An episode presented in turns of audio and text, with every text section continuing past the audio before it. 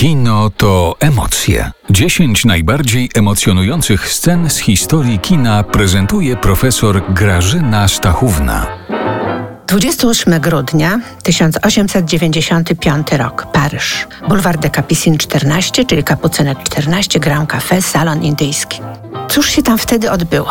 Mianowicie była to pierwsza płatna, to jest bardzo istotne, płatna, komercyjna projekcja filmowa, pokazana przez braci Limier, Ludwika i Augusta, którzy wymyślili i w tym samym roku opatentowali, w 1895 roku, kinematograf.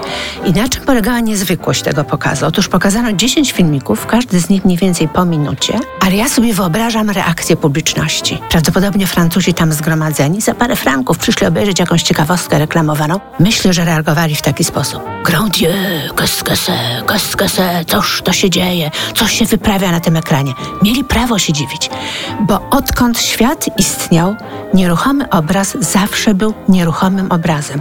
Malarze robili rozmaite mm, zabiegi, żeby pokazać, że dynamika sceny walki, dynamika zdobywania, dynamika polowania i tak ale tu nagle nieruchomy obraz, czyli brama zakładów pracy, bracia Limier mieli swoją fabrykę w Lyonie, w związku z czym zaczęli od, tym, od tego, że ustawili kamerę naprzeciwko bramy, bramy, która nagle się otworzyła i robotnicy elegancko ubrani wychodzą z tej bramy prosto na kamerę, prosto na widzów. Obraz ożył z cudowną harmonią ruchu 14 klatek na sekundę. Przypomnę Państwu, że film tak naprawdę to są nieruchome obrazy zarejestrowane na światłoczułej taśmy i przesuwające się wtedy w epoce kina niemego z szybkością 16 klatek na sekundę. I dawało to złudzenie doskonałego ruchu.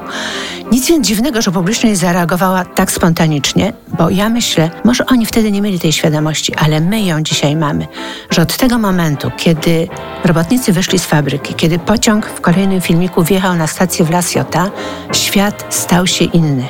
Świat stał się inny, ponieważ można go było zarejestrować w ruchu. Wszelkie przejawy działań ludzkich, zjawisk przyrody, nie wiadomo tam jeszcze czego, zostały zarejestrowane i potem odtwarzane w ruchu. To już od tego 28 grudnia 1895 roku świat był naprawdę inny.